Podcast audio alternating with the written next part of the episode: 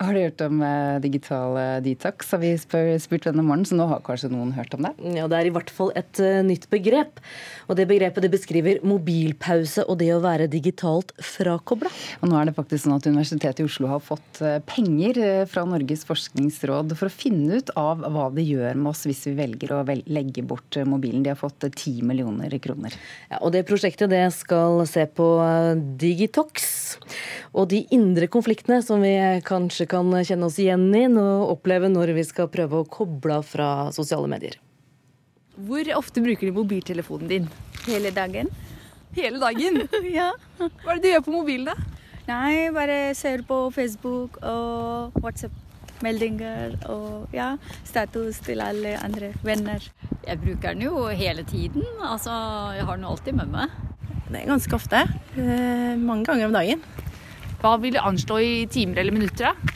Ja, Det vet jeg jo, for jeg har begynt å få sånn rapport. Men jeg tror det er opp nesten, nesten to timer om dagen. Hvorfor er det så vanskelig å legge vekk mobilen? Det skal Universitetet i Oslo finne ut av, som har satt i gang et forskningsprosjekt om digital detox, også kalt Digitox. Prosjektleder og professor Trine Syvertsen sier at det er den indre konflikten i oss når vi skal være frakoblet, som står i sentrum av prosjektet. Dette prosjektet det skal eh, for det første ta for seg den eh, ambivalensen, eller dobbeltheten, som mange føler i forhold til digitale og sosiale medier. Og vi skal bl.a. se på noen steder, eller arenaer, der den, eh, si, den dobbeltheten kommer til uttrykk. At folk både har glede av digitale medier, men også oppfatter dem som forstyrrende. Og eksempel på sånn, eh, et sånt sted kan jo være f.eks. på fjellet. Hvis du er eh, på en fjellhytte. At du både eh, har lyst til å ta bilder eller bruke sosiale medier, men også har en sånn forestilling med at her skal man oppleve naturen direkte. og her skal vi være sammen og snakke sammen, istedenfor å sitte med nesa i en skjerm. Vi skal intervjue folk, og det har vi allerede begynt på. Og da intervjuer vi både folk som selv eh, f.eks. Eh, tar, eh, ja, tar en pause, tar en mediepause, og det er jo blitt ganske vanlig.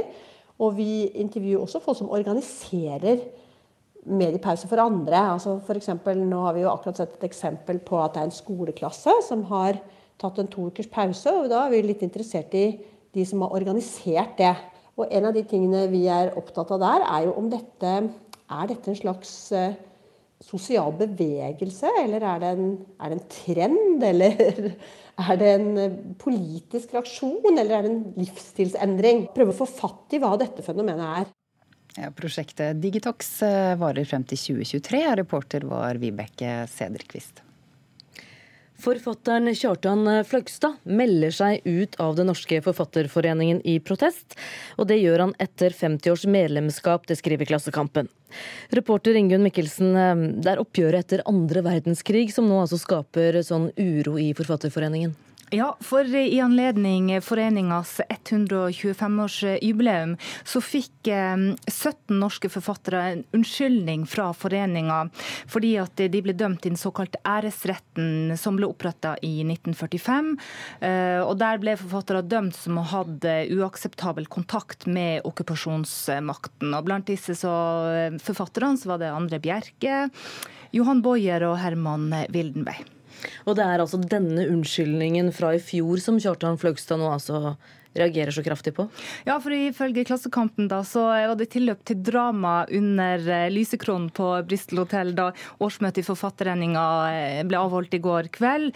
Det ble lagt opp en diskusjon om eh, denne unnskyldninga, og Kjartan Fløgstad, som er en av Norges aller fremste forfattere, han mener at denne beklagelsen til de forfatterne som ble dømt, er veldig kritikkverdig. Og I et krast innlegg så sa Fløgstad at Forfatterforeningas vedtak viste en manglende respekt for eh, historien. Forfatterforeningen, da, Hvordan reagerer de på dette? Ja, altså Lederen i foreninga, Heid Marie Kritsnik, hun gikk på talerstolen og forsvarte sitt vedtak, som igjen da førte til at Fløgstad trakk seg som medlem etter 50 års medlemskap.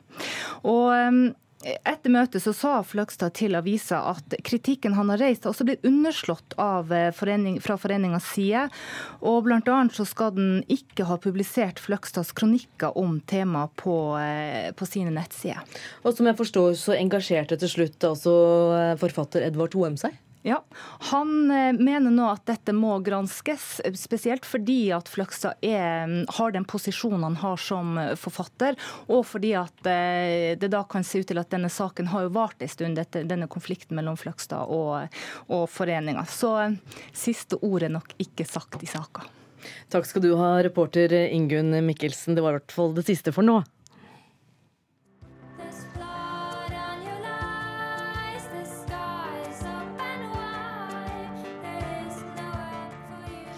Dette er Aurora Running with the Wolves. Eh, festivalsesongen nærmer seg. De er populære, og spesielt fjellmusikkfestivalene, der du får, eh, får naturopplevelser eh, med på kjøpet.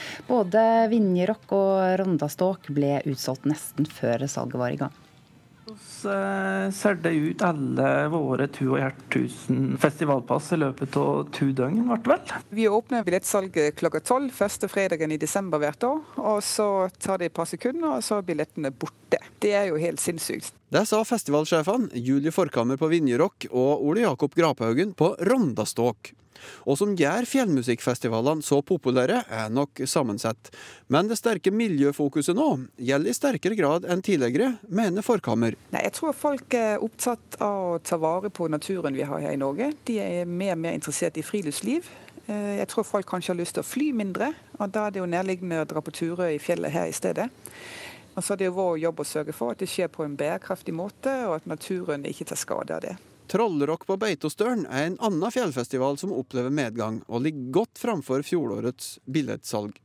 De har òg høy miljøprofil, bl.a. med nedbrytbare engangskrus og kildesortering av avfallet, sier Trond Rogne. Det blir jo mer og mer viktig, eh, og så blir det mer og mer fokusert på det. Ettersom en helter på den plassen som en gjør, så jeg tror folk følger med på det. Og så eh, er det jo rett og slett at det føles jo godt og nødvendig å ta et ansvar sjøl med som festival.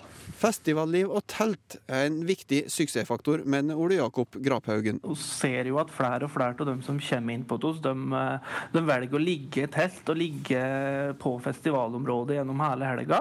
Eh, og det er klart at da må vi som arrangør eh, ha fullt fokus på at de som er inne på der, har det bra. Eh, så det er jo noe av det vi jobber etter å strekke oss for år etter år, om at å utvide enda bedre da ja, både fasilitet og hvordan ting har, folk har det da i campen. Trond Rogne i Trollrock mener kombinasjonen fjell, natur og musikkopplevelser er et annet kriterium for suksessen. Den eh, gode kombinasjonen da, med natur og, og musikk. Eh, han kan gå i fjellet, som er eh, svært populært. Og så kan en også kose seg med urban kultur på kveldstid. Så jeg tror eh, kombinasjonen der er ettertrakta. Reporter Terje Gording Hong.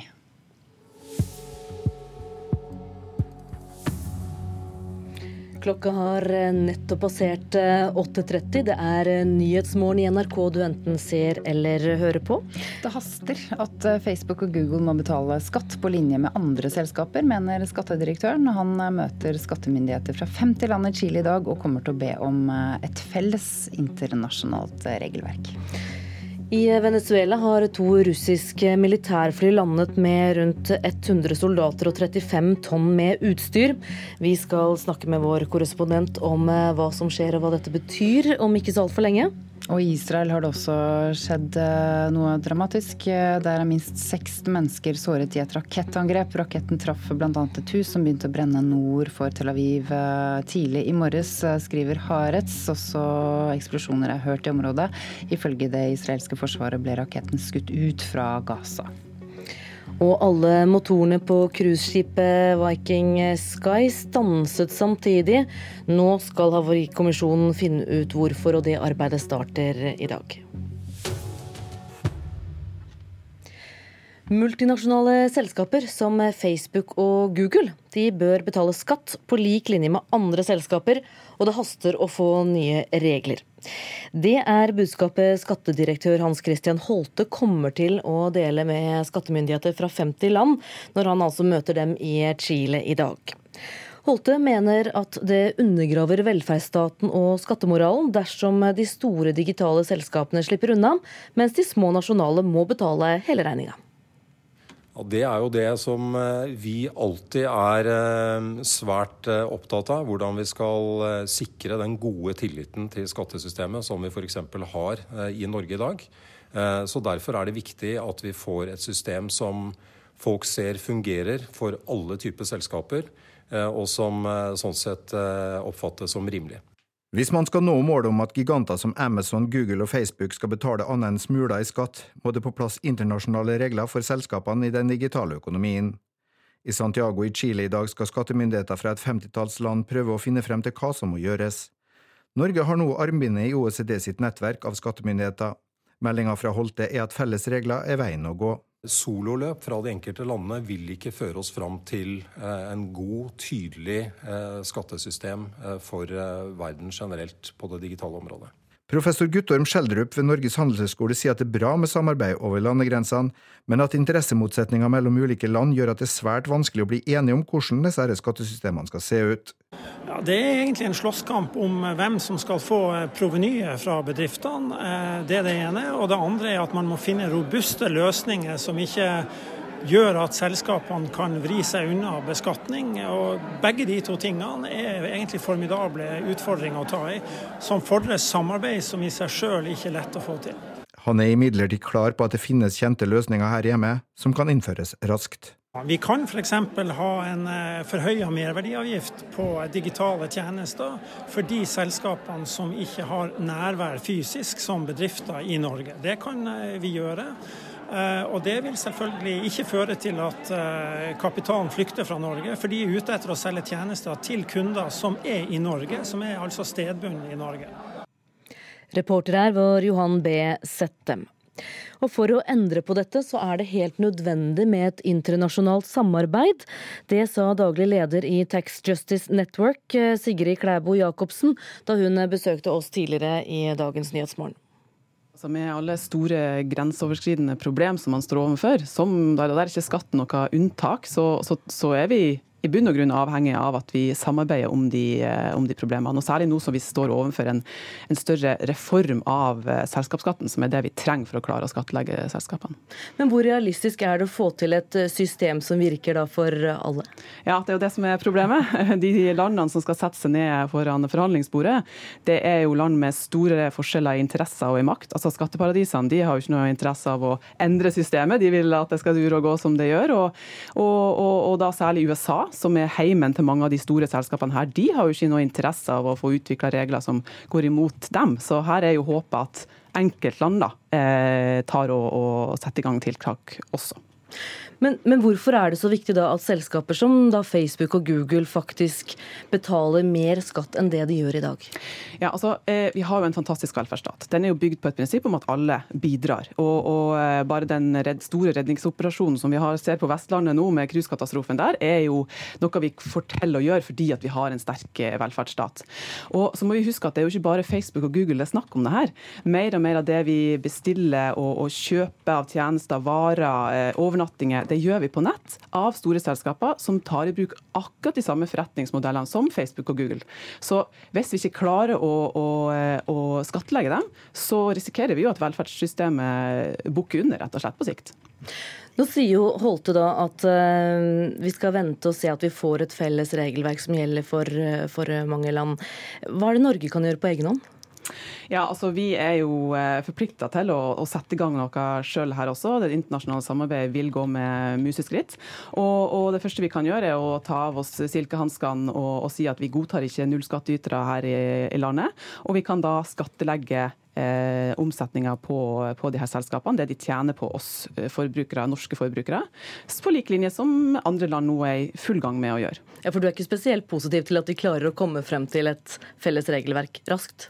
Overhodet ikke. Det, og det handler jo om den store maktforskjellen som er mellom landene, og de store interessene som de har. Eh, så det her er et eh, samarbeid som, som vi ser går med museskritt, men vi ser at det samarbeidet det skyter fart når enkeltland begynner å agere på egen hånd hånd. fordi at da føler man seg eh, Da får eh, det samarbeidet et, et, et press på å faktisk eh, levere. Det sa Sigrid Klæbo Jacobsen da hun besøkte oss tidligere i dagens Nyhetsmorgen.